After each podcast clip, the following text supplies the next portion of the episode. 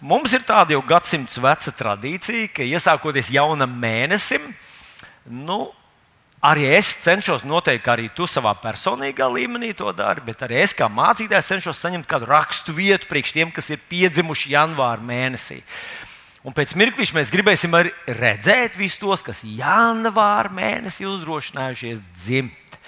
Nu, tur tomēr vajadzēja drosmi tādu, lai skaties kalendārā un tu saki, nē, es dzimšu janvārī.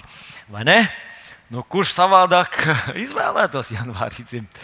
Nu, tā tad, kāda tad raksturvietu manā sirdī Dievs ielika? Un tā ir no Mateja Evangelija 28. nodaļas 20. pāns.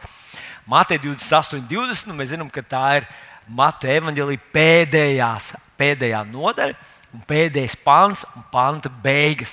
Un tur ir rakstīti tādi vārdi, uzrakstīti Jēzus vārdi kurš viņš pateica uh, nu, pirmā gadsimta varoņiem, saviem apstuļiem. Un redzi, es esmu pie jums ikdienas līdz pasaules galam. Un mēs zinām, ka viņi ietekmēja visu pasauli. 12 vīri bez kaut kādām tādām, ziniet, tādām izcilām, izteiktām līderu īpašībām, bez kaut kādām augstskolām. Uh, ietekmē visas cilvēces gaitu. Un šo pašu apsolījumu šodien saņem visi tie, kas ir janvārī dzimuši. Vai mēs varam palūgt visus tos, kas janvārī piedzimuši, piecelties? Tos visus trīs. Viens, divi, Elīze arī dzimis. Jā. jā, tur es redzu vēl. Jāzeps arī. Ugh, ap, ap divi ar Terēzi. Jūs laikam iepazināties jau dzemdību namā. Jā? Nē, nu, visdrīzāk, ka ne. Tur vēl ir daži. Jā, nemaz tik daudz to cilvēku nav. Mēs jūs apsveicam no visas sirds. Jā. Un paņemiet šo raksturvietiņu priekš sevis. Tas kungs teica, es esmu ar jums ikdienas līdz pasaules galam. Viņš tik drīz tas pasaules gals nebūs, kurš nav sajaucis, ka mēs negaidām, ka tūlīt, tūlīt sāksies pasaules gals. Jā?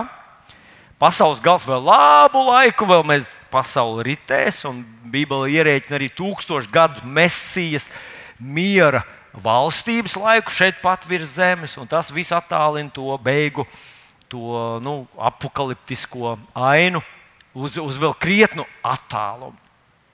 Bet, mīļie draugi, es tā savā sirdī saņēmu, un es tā sadzirdēju no svētā gara. Es ticu, ka tas tā ir, ka šis pāns attiecas ne tikai uz tiem, kas uh, janvārī ir piedzimuši, bet ka Dievs šo pantu un šo apsolījumu dod visiem mums šī gada garumā. Jā. Nu, bez šaubu, un kas tad 22. nebūs?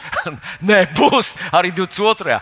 Bet, ziniet, nu, kādreiz mēs saņemam to kādu, nu, tā kā tā, tādu gada kā lozungu, kā moto. Un es to tā saņēmu. Visam 21. gadam tas kungs saka, un redzi, es esmu ar, ar tevi. Saka, viņš ir ar mani. Jā, arī ar jums, kas jūs tur pie ekrāniņa uh, esat, tas kungs saka, es būšu ar tevi līdz pašām beigām. Nu, lūk, tas ir tāds brīnišķīgs rakst, brīnišķīgs raksturvieta. Bet, zinat, ko? Ir ļoti interesanti, ka šos pašus vārdus Dievs ir sacījis uh, dažne dažādiem Bībeles tādiem nu, top varoņiem, ja mēs tā varam nosaukt. Cilvēks, kas ir ietekmējuši tādās uh, dievu tautas sarežģītos posmos, ir atnākuši ar tādu ļoti liktenīgu misiju. Un Dievs viņam ir teicis šos pašus vārdus: Redzi, es esmu ar tevi, es būšu ar tevi, es tevi neatstāšu un nepametīšu. Nu, lūk, un tam, par ko es gribu šajā rītā runāt, tas ir viens no tādiem spilgtiem tēliem Bībelē, spilgtām personāžām Bībelē, tas ir Jozo. Jozo. Dievs viņam arī saka šos vārdus divas reizes.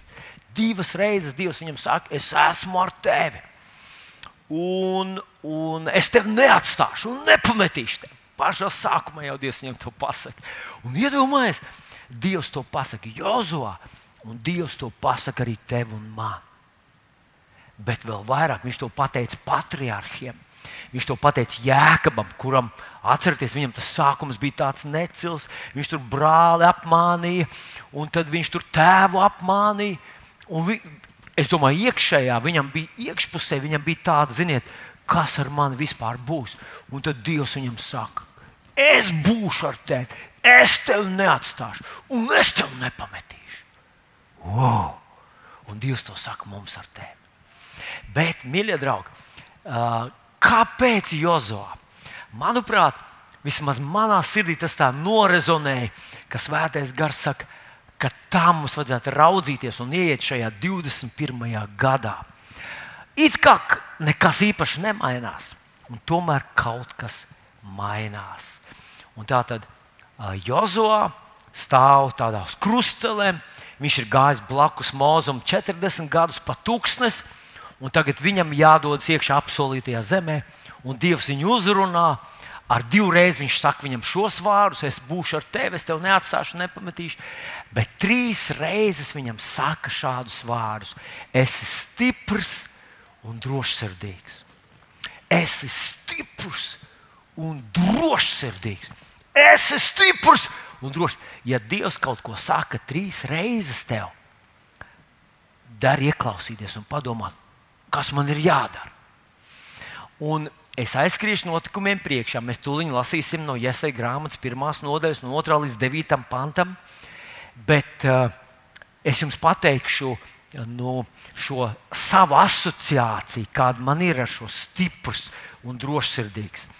Uh, Tas bija laikam pāris gadi atpakaļ. Es saņēmu vārdu no pirmās laika grāmatas 28, 20, kas attiecās par celtniecības procesu. Kad Dievs tā kā saka, man starts, Un tur bija rakstīts, esi stiprs un drošs un dari to. Es tevi neatstāšu un nepametīšu, kamēr tu nebūsi pabeidzis visu tā kunga nama celtniecības darbus. Tātad Dievs saka, celiet! Naudiņas mums nebija tik daudz, cik man ļoti gribējās, lai ir. Un, bet Dievs saka, dariet to! Stiprs un drošsirdīgs. Un, zinot, nu, Es jau esmu to laikam kādreiz arī teicis, bet es gribu to arī atgādināt, ka celtniecības process bija grūts. Un manā izpratnē tā šaurā vieta būs naudiņa. Bet pārsteidzošā, brīnumainā kārtā, katru reizi, kad mums atnāca rēķins, mums bija ko samaksāt. Vai daudz rēķinu, kas bija liela rēķina, vispār neienāca iekšā. Aleluja! Nu, citiem vārdiem, nauda nebija tā šaurā vieta. Kas bija šaurā vieta? Šaurā vieta bija pats celtniecības process. Mums bija labs arhitekts. Un arhitekts man stāsta, kā viņš visu ir izdarījis. Un es saprotu, viņš runā pareizi.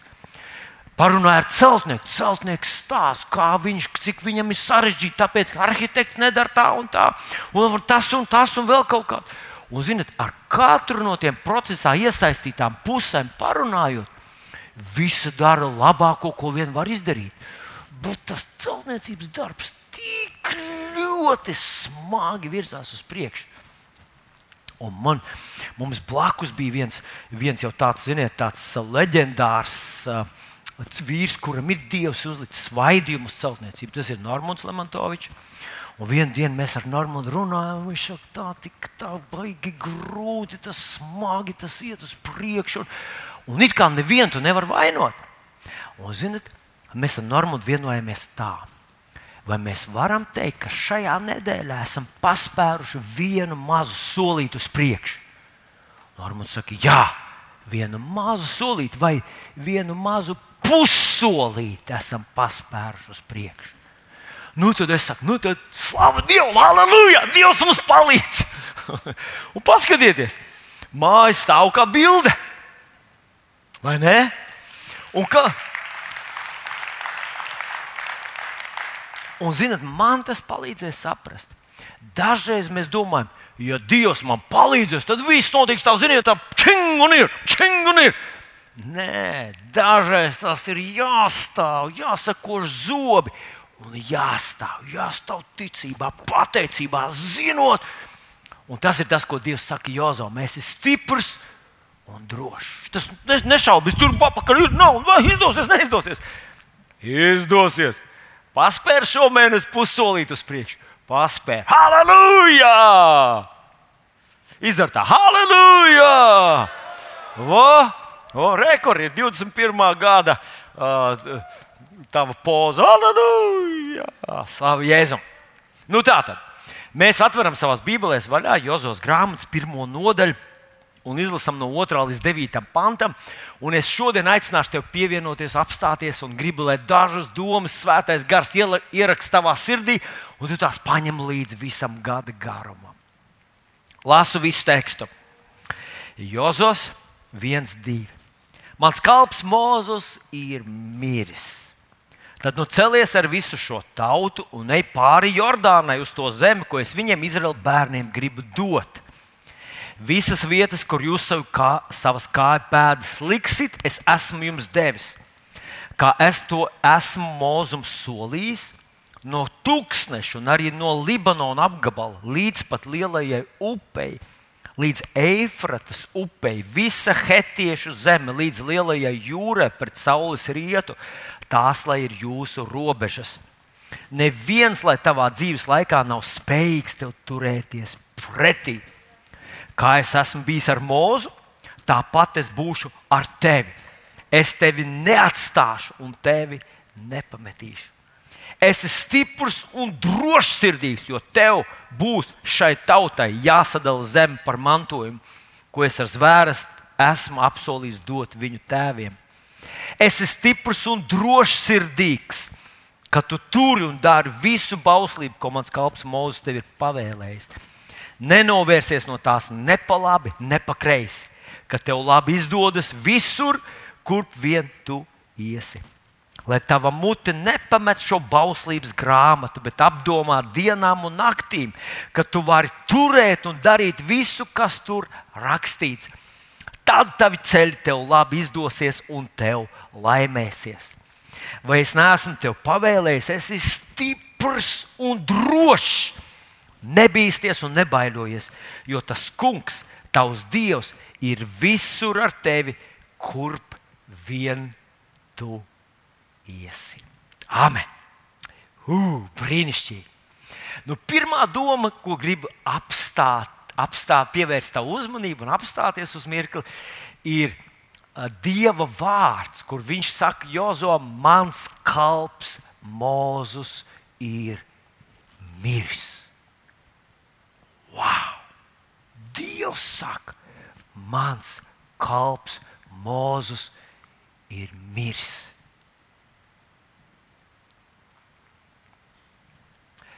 Ziniet, ko? Mozus bija spilgts līderis, spilgta personība.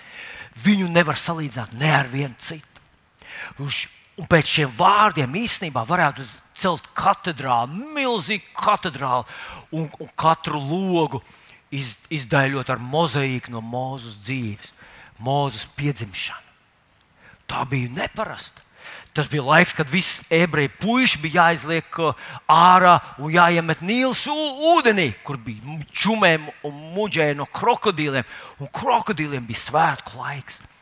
Bet atcerieties, kad Mozus piedzima, tur rakstīja interesantu vārdu, ka viņi ieraudzīja, ka bērns ir skaists. Es domāju, man vecāki arī gribēja paturēt mani, jo es esmu skaists. Nu, katrai mammai liekas, ka viņas bērns ir skaists, vai ne? Un, un, un, un pat ja, ja tēvam ir izteikts liels, spēcīgs deguns, kā raksturs, viņš ieraudzīja savā dēlā, oh, mans dēls, mums. Nu, skaisti tas ir, ka viņi līdzinās mums. Bet jūs iedomājieties, pārkāpt valdnieka pavēli, riskējot ar savu dzīvību tikai tāpēc, ka bērns ir skaists. Jūs varat iedomāties skaistu mācītāju. Ko? Jūs, draugi, nu, nu labi, nu nevajag jau tā liekuļot uzreiz. nu, bet paklausieties, viņš bija skaists. Mēs zinām vēlāk, ka viņu adoptēja Fāraona meitu. Viņu uzaudzināja Fāraona pilī. Tā bija tā laika vislielākā impērija. Un viņa audzināja mūzu kā rezerves faraonu. Viņš saņēma labāko izglītību jebkurā jomā ar tā laika varenākajiem zinātniekiem, ārstiem, ģenerāļiem, stratēģiem. Nezinu, nu kādu vien tu vari iedomāties, tā laika top večus. Viņš ar viņiem bija tu. Iespējams, ka viņi klanējās viņa priekšā un pasniedza lekcijas. Viņš varēja viņiem brīvi sarunāties. Viņš bija izaudzis galmā, kas vien cēla vienu valdnieku pašapziņu. Mozus visu to dabūja. Viņš bija attēdies zelta, sudraba, vergu un verdzeņu, cieņas un pielūgšanas. Īsnībā viņš bija dabūjis labāko, kas cilvēcei tajā laikā bija. Tas bija vīrs, kuram bija manieres, kuram bija stāja, kuram bija iespējams, ziniet, karaliskas, karaliska izturēšanās. Uzreiz varēja pateikt, kas ir Mozus un kas ir Jozovs. Bet padomājiet, vēlāk viņš kļuva par draugu ganu. Un atcerieties, arī mūsu draudzē bija dumps. Atcerieties, korahas sacelšanās. Un ko tam mūsu draudzē mācītāji dara? Nevajag. Mūzis teica, nu jūs redzēsiet, ka Dievs man ir izredzējis skaists, stāv tāds skaistulis, ar ķēnišķīgiem manierēm, ar vārdu resursu, ar valodu bagāžu, ar izglītību tādu. Un viņš saka, ka koroha dēliem paiet nost mazliet, lai zeme var atvērties un aprīt visus tos dumpiniekus. Tas ir īsts mācītājs, pareizi.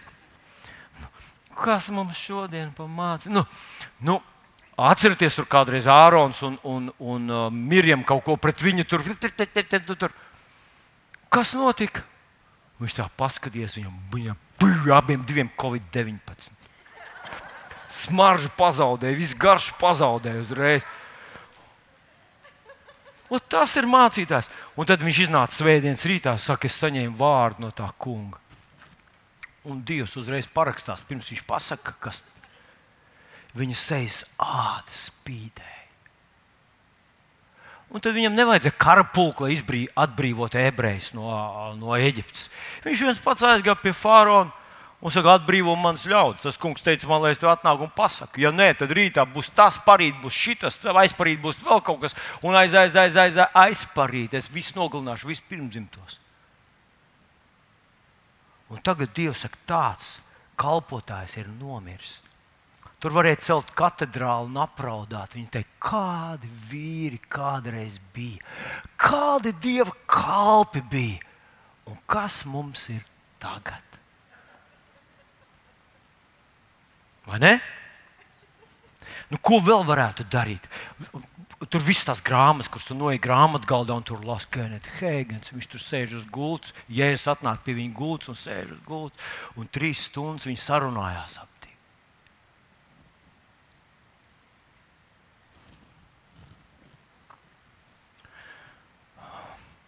Otra, otra lieta, ko mēs varētu darīt, uzreiz šajā vietiņā, uzreiz zīmēt nākotnes perspektīvu tā kā visi tie zelta laiki ir aizgājuši, tā kā Mozus un visi tie spilgtie, lielie, izcilie dievu kalpi ir mūžībā, mūsu nākotnes perspektīva ir pliekana, pelēcīga. Nu, kā ir, tā ir. Nu.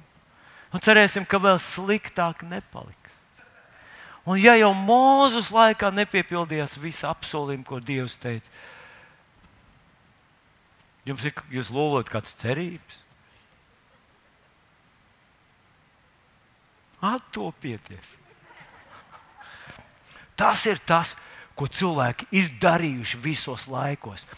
Ir cilvēki, kas tā arī skatās par draugu rītdienu. No, ko tad mēs esam? Kas tad mēs esam? Kādi mums tie mācītāji, kādas mums tas draudzes?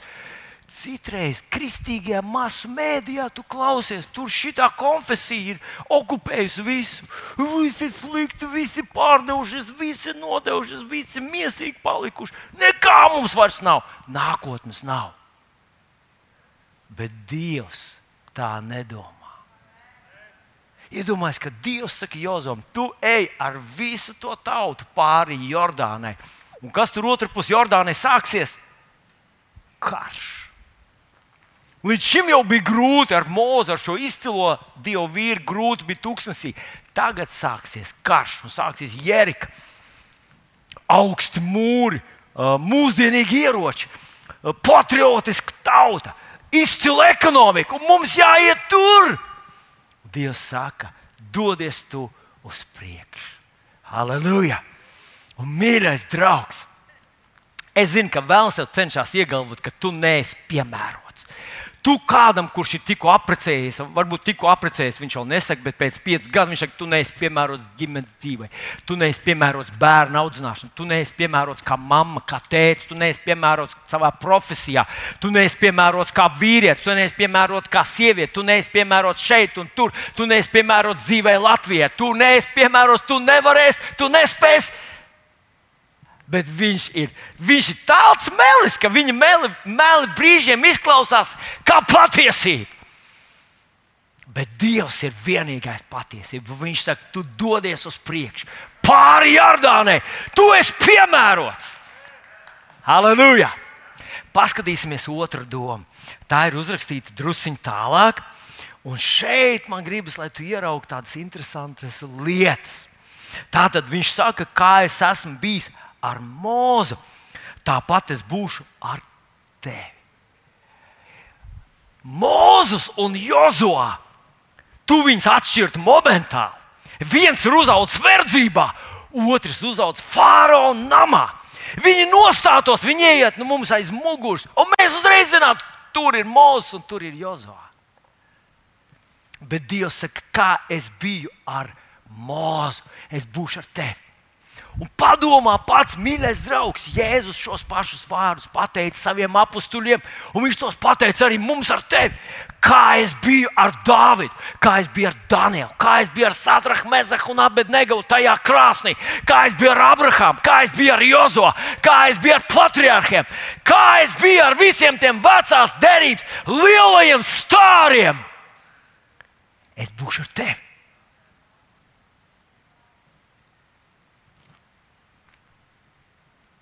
Es tevi neatstāšu un nepametīšu. Paskaties, kas tur rakstīts tālāk. Es esmu stiprs un drošsirdīgs, jo. Un tad viņš pasakā vārdus, kas kādreiz man tā kā es viņus drusku nesapratu. Bet svētais gars vairākas reizes man atgādināja, vairākas sižetes no Bībeles, un man paši piedzīvoja manā dzīvē. Paskatieties, ko viņš saka. Jo tev būs jāsadala zeme par mantojumu, ko es ar zvērstu esmu apsolījis viņu tēviem dot. Viņi vēl nav uzsākuši kargājienu. Viņi vēl atrodas Jardānai otrā pusē, tūkstoša pusē. Bet Dievs jau uzzīmē Jozos dvēselē tādu vīziju. Viņš dod viņu iztēlēji barību, lai viņš paņemtu un nepazaudētu to nekad. Ziniet, ko? Kad Dievs dod šādu vīziju, tā ir, tā ir, tas ir, tā ir pērle to vēlams cenšas nozagt. Un manā dzīvē viņš to vairākas reizes man ir nozadzis. Ja es būtu zinājis, ja man to kāds būtu paskaidrojis, ko tas nozīmē, es būtu pavisam savādāk pret to izturējies. Bet es redzu, ka Dievs to dod Abrahamam. Viņš saka, paskaties, zvaigznēs, tik daudz būs tavu bērnu. Paskaties, smiltīs, tāds būs tavs dzimums. Viņš uzzīmē nākotnes ainu viņam. Un viņš zīmē Jozo. Jozo brīžiem būs sajūta, ka tu izgāzīsies. Brīžiem būs sajūta, ka jūs nevarat iekārot mazu ciematiņu vārdā Aja. Brīžiem liksies, ka tev nav ganas prasmes, un, un spēka, un izturības, un nav respekta, un cilvēki tev neciena un neusticās, un tas nedarbojas. Bet es tev pateikšu, kādas būs beigas. Tu iekaros to zemi Un tad būs viena diena, kad jūs stāvēsiet visi ap galdu. Uz tā galda būs karte. Un tu sadalīsi, un tu teiksi, jūdas ciltīs šitais zemes gabals, un, un naftāli ciltīs tā, un levīti ciltīs šitās pilsētas, un zebulonam tas, un, un, un, un tā tālāk. Tu piepildīsi savu dzīves uzdevumu. Wow! Es ticu, ka viņš to nesāja savā sirdī, šo vīziju. Es sadalīšu zemi es sadalīšu zemi starp Izraēlas tautām. Beidzot, pirmo reizi pēc daudzām paudzēm mums būs pašiem sava zeme. Un paklausies, man bija apmēram 12 gadi. Tas ir apmēram, es precīzi neatceros savu vecumu. Bet vienā lūkšanā, kad es jau biju saņēmis dziedināšanu no sirds un locītu reumatismu, un tas bija, kur vienkārši ticīgi cilvēki lūdza, un vienai māsiņai, kurai bija tāda ies atklāsmes gars. Es viņu ļoti cienu, un es viņu pirmajā dievkalpojumā nosaucu par tantiņu. Un, un varbūt kāds to uztvēra nepareizi. Nē, nē, nē, es ļoti cienu, bet, bet viņi bija jau gados. Un, Un viņi redzēja, ka caurdurt roku noņem čūsku no viļņas sirds. Un es neko nejūtu. Man vienkārši lēnītiem palika labāk, un, un, un tā slimība bija prom no manas dzīves. Tad vienā citā lūkšanā viņi teica tā: Es redzu vilni pastardienā, kad tu stāv tā kunga priekšā. Un vilnim ap kaklu ir liels, liels tāds, liels tāds goda vainags. Un tur ļoti daudz ziedu iekšā tajā vainagā. Un tie ziedi ir tie cilvēki, kas ir pieņēmuši jēzu, saņēmuši glābšanu caur vilni. Man bija 12 gadi. Es nezināju neko, un nekad dzīvē nesapņoju, ka es kļūšu par mācītāju. Bet viņi teica, ka būs mācītājs, un daudz cilvēku pieņems glābšanu caur tevi. Un zinat ko? Es noklausījos to, un, un man liekas, tas dīvaini. Kāpēc divi? Un kādreiz vecāks kundzīte saka, vai te pūš kaut kur? Un, un tu sēdi tur blakus, saka, kaut jau te kaut kur kaut kas sāktu pūst, jo te ir tik sutīgs un tik karsts un gaisa nav vispār. Bet, nu, un tad vienreiz es dzirdēju tādu, arī viena vien māsiņa teica, vai tu dzers kafiju? Nē, es nedzeršu kafiju, es pagājušā nedēļā iedzēru un visu nedēļu slikti gulēju. Nu, tās tās lietiņas, kad tev liekas, nu, tā kā, hei, tā ir cita pasaule, kurā cilvēks dzīvo. Un tā, tā es toreiz dzirdēju, nu, kad uh, viņi saka, Vilnim tāds godu vainags apkārt, un viņš būs veiksmīgs mācītājs. Es to nepaņēmu līdzi. Manā dzīvē ir bijuši mācītāji kalpošanas laikā. Tev liekas, mācītājs strādā pusstundu nedēļā, viņam ir zelta dzīve. Bet man ir bijuši tādi laiki, kad man liekas, Dievs, par ko es, kāpēc es esmu Kāpēc man? Tu esi man izredzējis, laikam, lai es te nomirstu ar visu savu ģimeni. Esam, nu, tā, tā, ziniet, tā sevis žēlošanas desmitgades es pajokoju.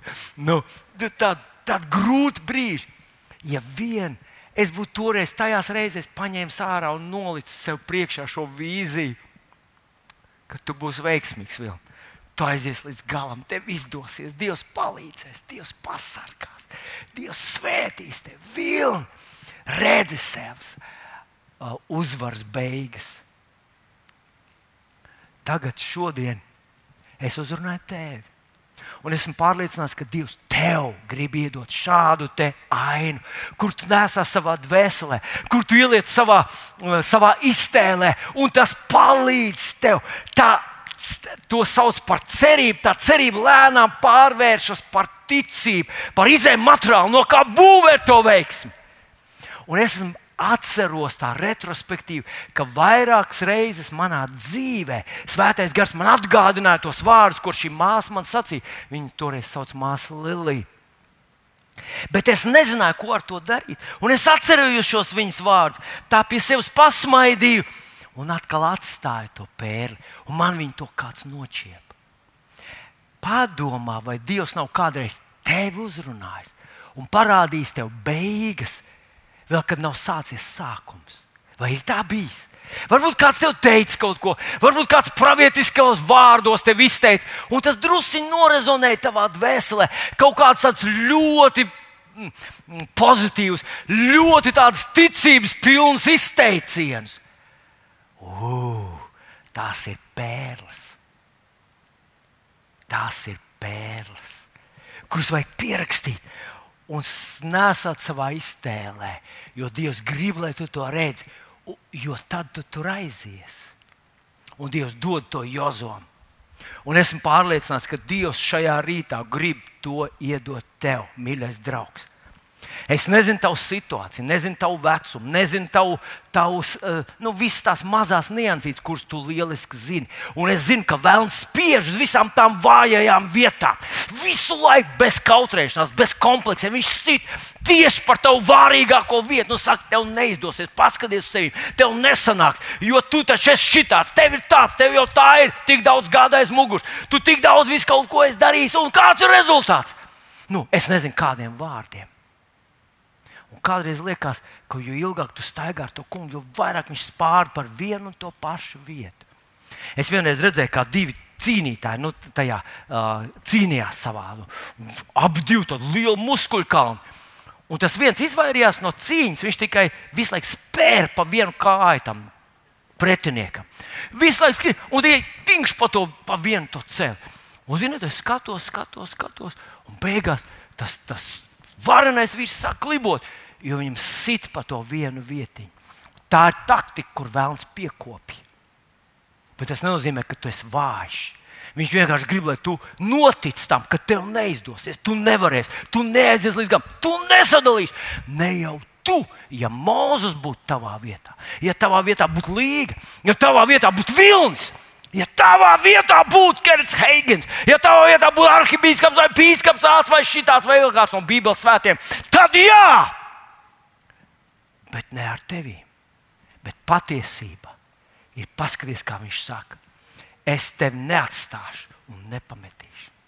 Dievs neizved viņu ārā no turienes, nesāk ceļu ar tevi, lai tevi pamestu grūtā brīdī, lai atstātu tevi tad, kad pie, pietrūks šis vai tas, vai sašķobīsies veselība, vai aptrūks nauda, vai tev izlid, izlidinās no darba, vai kaut kas nesāk, nobruks kāds projekts. Mīļais draugs, gribu te pateikt, ka nav neviens, kuram viss ir izdevies perfekti. Nav tāda neviena cilvēka, jo mēs atrodamies karā, un dažkārt nākās drusciņi piekāpties, dažkārt nākas drusciņi atkāpties, lai pēc tam atkal uzbruktu. Un tas ir tas, kas tev jāatcerās.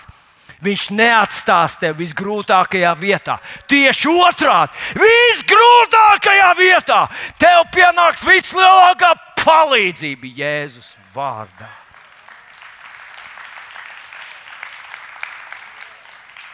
Un, ja tev ir šī vīzija, turi to dārgu, turi dārgu to. Un šodien es gribu, lai tu ieraugi, ka šo gadu tu nodzīvos uzvarā. Šī gada rezultāti būs labāki nekā iepriekšējā. Šajā gadā Dievs tev dos, palīdzēs un atvērs durvis. Un pat ja tās būs vienas vienīgas durvis, kas šajā gadā tavā dzīvē atvērsies, tās būs durvis. Kur, nu, kādreiz bija tā filma, durvis, kur, kur nauda stāv. Nu, labi, tās nebūs tās, bet tās būs tās durvis, aiz kurām ir tā tava atbilde, kas tev ir vajadzīga. Nepazaudē to.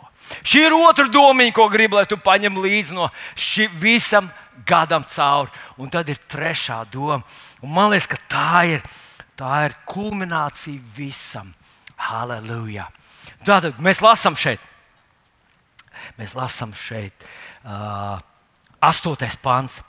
Lai tava mute nepamet šo bauslības grāmatu, bet apdomā to dienām un naktīm, kad tu vari turēt un darīt visu, kas tur ir rakstīts. Tad tavi ceļi tev labi izdosies, un tad tev laimēsies. Es izlasīšu vēl nākamo pantu. Vai es neesmu tev pavēlējis, es esmu stiprs un drošs, nebīsties un nebaidoties. Zinu, ko nozīmē bīties un baidoties? Tas nozīmē savu iztēli piepildīt ar visu to negatīvo scenāriju. Tāpēc Dievs viņam iedeva, skaties, kā tu sadali. Skaties, kā tu sēdi pie galda un tu sadali, un tu sadali, un tur met kauliņus, un jūs, jūs cīnāties par to, kuru zemes gabalu. To var darīt tikai uzvarētāji. Halleluja! Nebīsties un nebaidoties, jo Dievs, tas kungs, tavs Dievs, ir visur ar tevi, kur vien tu iesi. Bet paskatieties, astotais pāns. Lai tava mute nepamet šo bauslības grāmatu, bet apdomā to dienām un naktīm. Kāpēc tur nav vienkārši uzrakstīts, nu, lasi? Jo vienīgais, kas Jozom bija, viņam bija Mozus piecas grāmatas. Mozus uzrakstīja tie piecas, pirmās piecas grāmatas. Tas bija viņš varēja to lasīt. Un tas ir viss. Kāpēc viņš neuzrakstīja lasi to? Un mēs bieži vien domājam, ka mēs darām milzīgu varoņdarbu ar to, ka mēs izlasām dienā nodaļu, nu, debesīs eņģeļi droši vien sajūsmā visi, un, un, un, debesu tēvs ir laimīgs un pateicīgs, ka es izlasīju veselu nodaļu. Man krīt tāds ciet, neatceros, kas tur bija rakstīts, bet, bet es izmocīju to līdz galam Jēzus vārdā. Un viens brālis man sacīja, zini, ja man nenāk miegs, es paņemu bībeli, palasīt, vēlams uzreiz redz, ka es lasu bībeli, un sūta man miegu. Kā? Kā, kāds gudrs brālis, viņš apved ap stūri pašu vēlnu. Ziniet, paņems palasīt, ah, tā, tu man nozag miegu, ja? nu tad dabū tūlīt, ja es lasu Bībeli. Bet interesanti, ka viņš te nesaka palasi. Jo lasīšana vien nevienmēr nozīmē, ka tu tiešām to dabū. Bet viņš saka, lai tava mute nepamet to. Ne tikai jāizlasa, mums ir jārunā. Mums ir jārunā Dieva vārds, jāsludina, jārunā. Mums ir tajā jādzīvo. Bet es jau pateikšu vienu noslēpumu, kur es esmu konstatējis nu pats no savas pašas dzīves. Tu pārstāji runāt tad, kad tu pārstāji par to domāt. Īsnībā jūs jau zinat, ka es kādu laiku atpakaļ esmu sācis tos pantus, centies ielikt savā dvēselē, par to meditēju un domāju. Un tad pienāk kaut kāds laiks, kad tu kādus, nu, es vien, vienreiz izskaitīju apmēram 40 pieci apmēram panti ir tāds raksturvietas, kuras tā kā es tā lēnītiem apsēžos, un tad es viņus visus atceros un varu uzrakstīt. Un tad kaut kur atnāk tāda, nu, nu, forši, vai ne? 45 pants, tu zini, to atcer par šito, par to apmēram tas tēmas. Un es konstatēju, ka ja tu pārstāji par viņām domāt, tu pārstāji runāt. Jo tās pazūd no tavas redzes lauka. Tu pārstāji plānot savu dzīvi saskaņā ar tiem raksturvietiem. Tu neredzi savu nākotni saskaņā ar tām raksturvietām, kurās tu dzīvo. Tu sāc plānot un domāt saskaņā ar to, ko tu visu laiku dzirdi. Un iedomājies, ko mēs visu laiku dzirdam. Tas ir, man liekas, ka, un es nepārspīlē, sakot, ka man liekas, ka masu mēdīji kaut kur vienojušies, ka mums jārunā vienā valodā, viena cipara, jā, mums ir viena informācija jādod no visām, ja cilvēki to dzird no visām pusēm, viņi sāk ticēt. Tu jau kādreiz Gēbels teica, viens no Hitlera lielākajiem ideologiem. Viņš teica, ja cilvēki dzird melus vienā gabalā, viņi sāk tiem ticēt. Un es nedomāju, ka tur ir kaut kāda milzīga ļauna sazvērestība. Vienkārši pasaulē, Eiropa un vispār pasaules tautas grib, lai cilvēki novakcinējas, lai vienreiz šis sērgs beidzās un atkal viss sāk pelnīt naudu. Bet padomā, ja tu visu laiku klausies, miruši, miruši, miruši, Covid-19. Viens no mūsu brāļiem, tas ir Harijs, re, kur viņš sēž. Viņš ir ļoti jauks uh, britu džentlmenis, mūsu draugs. Un paklausies, varbūt jūs ar viņu parunāsiet, varbūt viņš teiks citus vārdus, bet paklausieties, ko viņš man vienā dienā saka. Te bija jau vairākas nedēļas atpakaļ, kur viņš saka tā mācītāji, oh, man, man ir visas pazīmes. Mācītāji, es pazaudēju ožu, pazaudēju garšu, viss man ir temperatūra. Un tad viņš sacīja tādus vārdus: Tik slikti es nekad dzīvē neesmu juties man ir Covid-19, es esmu riska grupā. Nu, es saku no savas, no tā. jo mēs, tas ir tas, ko mēs visu laiku dzirdam. Ja tu esi riska grupā, ja, ja tev sāp kāja, tu esi riska grupā. Ja tev ir 43. izmērs kāja, tu esi riska grupā. Un viņš man saka šos vārdus. Viņš teica, es nodevu analīzes nu, uz Covid. Un tad viņš man zvana dienu vēlāk. Viņš saka, man nav covid. Ko tu domā? Vai es jau būšu svētdien, vai es varētu jau svētdien nākt uz dievkalpojumu? Ziniet, no tās situācijas man ir covid. Ārprāt, cauri ar maniem ir laikam. O, līdz tu uzzini, ka tas nav covid. Es ar to gribu teikt, ka tā ir tā tāda nu, masveida tāda ietekme uz tevi. Un tu sāc visu savu dzīvi redzēt tā gaismā. Tu sāc redzēt visu savu perspektīvu, sāc plānot savu dzīvi. Tā gaismā, par ko tu domā. Bet, ja tu domā par Dievu vārdu, ja tu tajā pavadi laiku, ja tu ļauj, lai tie panti dzīvo tajā, un tu domā par to, tas kļūst par tavu pasaules skatījumu, tas kļūst par tavu tavas personīgās pasaules skatījumu. Tas kļūst par tavu nākotni, tas kļūst par tavu perspektīvu, tas kļūst par to, kas tu esi, kāds tu esi un kur tu nonāksi. Ja tu tā dari, viņš saka, tev būs veiksme visā. Mīļais brāl un māsa, 2021. gads ir savādāks. Ieroči tie paši, ienaidnieks tas pats Dievs tas pats, apsolījumi tie paši, ticība tā pati. Bet pasaule tomēr mainās. Mūsu sabiedrība lēnām dreifē bezdievības virzienā. Un Apsolus Pāvils saka, netopiet šai pasaulē līdzīgi. Tev un man ir vēl radikālāk jāatšķirās no pasaules. No tās lielās grupas, kas lēnām virzās prom uz bezdiev, bezdievības ceļu, tālāk no Dieva, vēl mazāk viņa vērtības, vēl vairāk, mazāk viņa nozīmes, vēl lielāka nozīme, ko es domāju, kā man ir izdevīgi, kas man par labu. Visa pasaule dosies uz turieni. Tev un man Mēs tur nedrīkstam būt.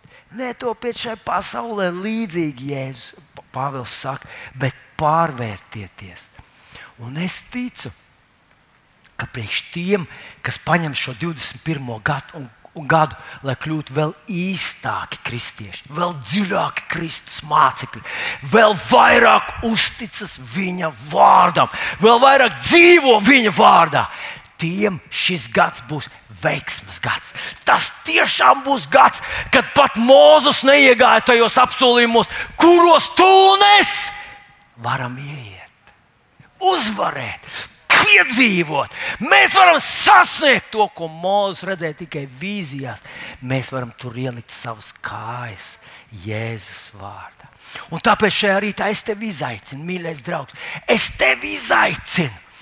Tu, kuram Jēzus ir tik pieejams kā visam lielajām kristietības leģendām, kuram Dievs ir blakus un kur Viņš ir tādu sagatavojis un tādu radījis, lai tu varētu ieiet apsolītajā zemē. Un Viņš būs ar tevi, palīdzēs tev, un Viņš to dara caur savu vārdu. Tu neusticies Jēzum, ja tu neusticies viņa vārdam, jo caur vārdu viņš visu ir radījis. Jo par Jēzu ir teikts, un vārds tapa miesa. Un tas ir izaicinājums, kurš tev un man šajā gadā ir jāpaņem. Mums ir jākļūst par cilvēkiem, kur ļauj Dieva vārdam piepildīt tevi tik tālu, ka tas ietekmē visu tavu dzīvesveidu, ietekmē tavu veselības sistēmu, tavu personību, tavu pārnākotnes redzējumu, tavu situāciju finansēs, tavu, tavas izredzes Dieva vārds runā par tevi, par tevi, par tevi, par tevi, par tevi. Par tevi. Tad tas ir. Tad, tad tu esi gatavs 21. gadam. Jēzus vārdā.